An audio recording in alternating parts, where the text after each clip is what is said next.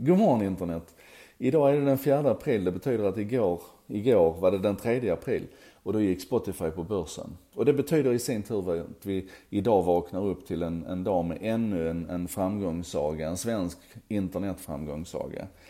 Eh, vilken otrolig lansering det blev. Eh, de stängde med ett börsvärde på eh, 26,5 miljard dollar.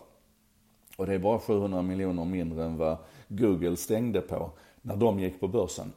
nu var det dock 2004 så jämförelsen haltar lite. Men låt oss jämföra med Dropbox istället som också alldeles nyligen gick till börsen och som stängde med ett marknadsvärde efter första dagen på 11,3 miljarder dollar. Spotify alltså två och en halv gånger Dropbox. Det är sjukt häftigt och det är så imponerande.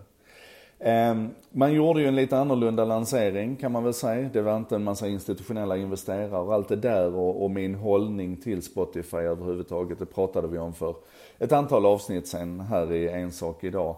Eh, när jag bland annat liksom förklarade hur jag tyckte Spotify hörde hemma i, i affärsmodellstänk och sånt. Och, och, nu kommer det ju framöver här och blev väldigt mycket fokus på Spotifys affärsmodeller och hur rimlig är den här värderingen egentligen? Och kommer man att börja med fan messaging eller kommer man att börja med Alltså att fansen kan kommunicera direkt med sina artister. Kommer man att jobba hårdare med att se till att artisterna går direkt till Spotify utan att passera de stora bolagen för att få behålla mer pengar själv och så vidare. Alltså, otroligt tryck runt Spotify nu. Det är jättekul att följa det så jag, jag hoppas ni gör det. Man kan också konstatera då att den här lanseringen var ju annorlunda på lite andra sätt. Till exempel genom att istället för att det hängdes ut en, en svensk flagga så hängdes ut en schweizisk flagga. Och det säger lite grann om hela den här lanseringen. Alltså Spotify var inte de var inte på börsen där Daniel Ek och Martin Lorentzon stod inte där och ringde i klockan när, när aktien skulle börja handlas och det var inte stort party och så. Och, och man såg alltså inte ens till att det hängdes ut rätt flagga utan han stackars vaktmästaren på Nasdaq lät en, en schweizisk flagga hänga ute i 15 minuter. Det här är så, alltså det är så, det är så kaxigt på något sätt och samtidigt så nedtonat. Alltså Spotify-aktien har ju handlats privat väldigt mycket flitigare än vad de andra stora techföretags aktier handlas privat. Jag läste någon siffra här om att bara i år så har det, har det handlats aktier för mer än 500 miljoner dollar i Spotify, alltså innan man gick till börsen. Så det här är ju lite grann för Spotify bara som att, ja men nu blir det enklare att handla med vår aktie och, och så.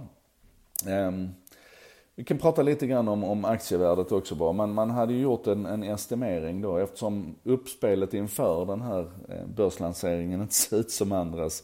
Så har man fått jobba med någonting som man kallar för en referenspunkt på aktien istället. Det är alltså kloka människor som har suttit och räknat och sagt att ungefär så här mycket tror vi att, att aktien ska kosta. Och då landade man på en referenspunkt på 132 dollar.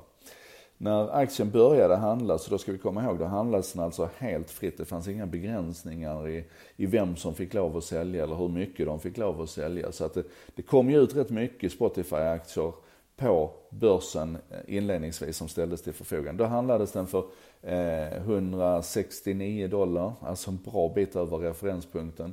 Och sen föll den sakta under dagen ner till 149 dollar, alltså ungefär 150 dollar och det är ju en bra bit uppifrån de 132.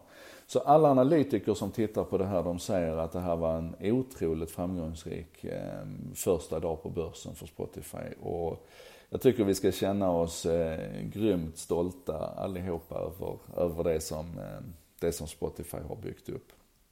Och att vi nu liksom har ännu ett svenskt teknikföretag i den här, i den här eh, industrin. Ehm, Alltså förlåt att jag, jag är bara så fascinerad och det är så mycket nyheter som sköljer över här nu så att jag tycker vi gör så här att vi ägnar den här dagen bara åt att mysa, åt att det gick så bra som det gjorde för Spotify, känna en enorm stolthet, bli inspirerad av det arbetet man har gjort.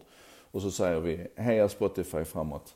Eh, det här var En sak idag, producerat av mig Joakim Jardenberg med benäget bistånd av Bredband2, internetoperatören som gärna lyssnar när andra snackar och som hjälper till att driva de här bra diskussionerna om vårt gemensamma internet. Eh, det textas och översätts eh, till både svenska och engelska då eh, av Contentor som är en byrå som jobbar med modern marknadsföring och översättning av texter på nätet. Och de ser till att det här finns, finns textat och översatt fram emot lunch ungefär varje dag. Kan bli lite senare idag fick jag reda på. Ehm, tack för att ni tittar, tack för att ni diskuterar och tack Spotify för att ni finns. hörs vi igen imorgon. Hej!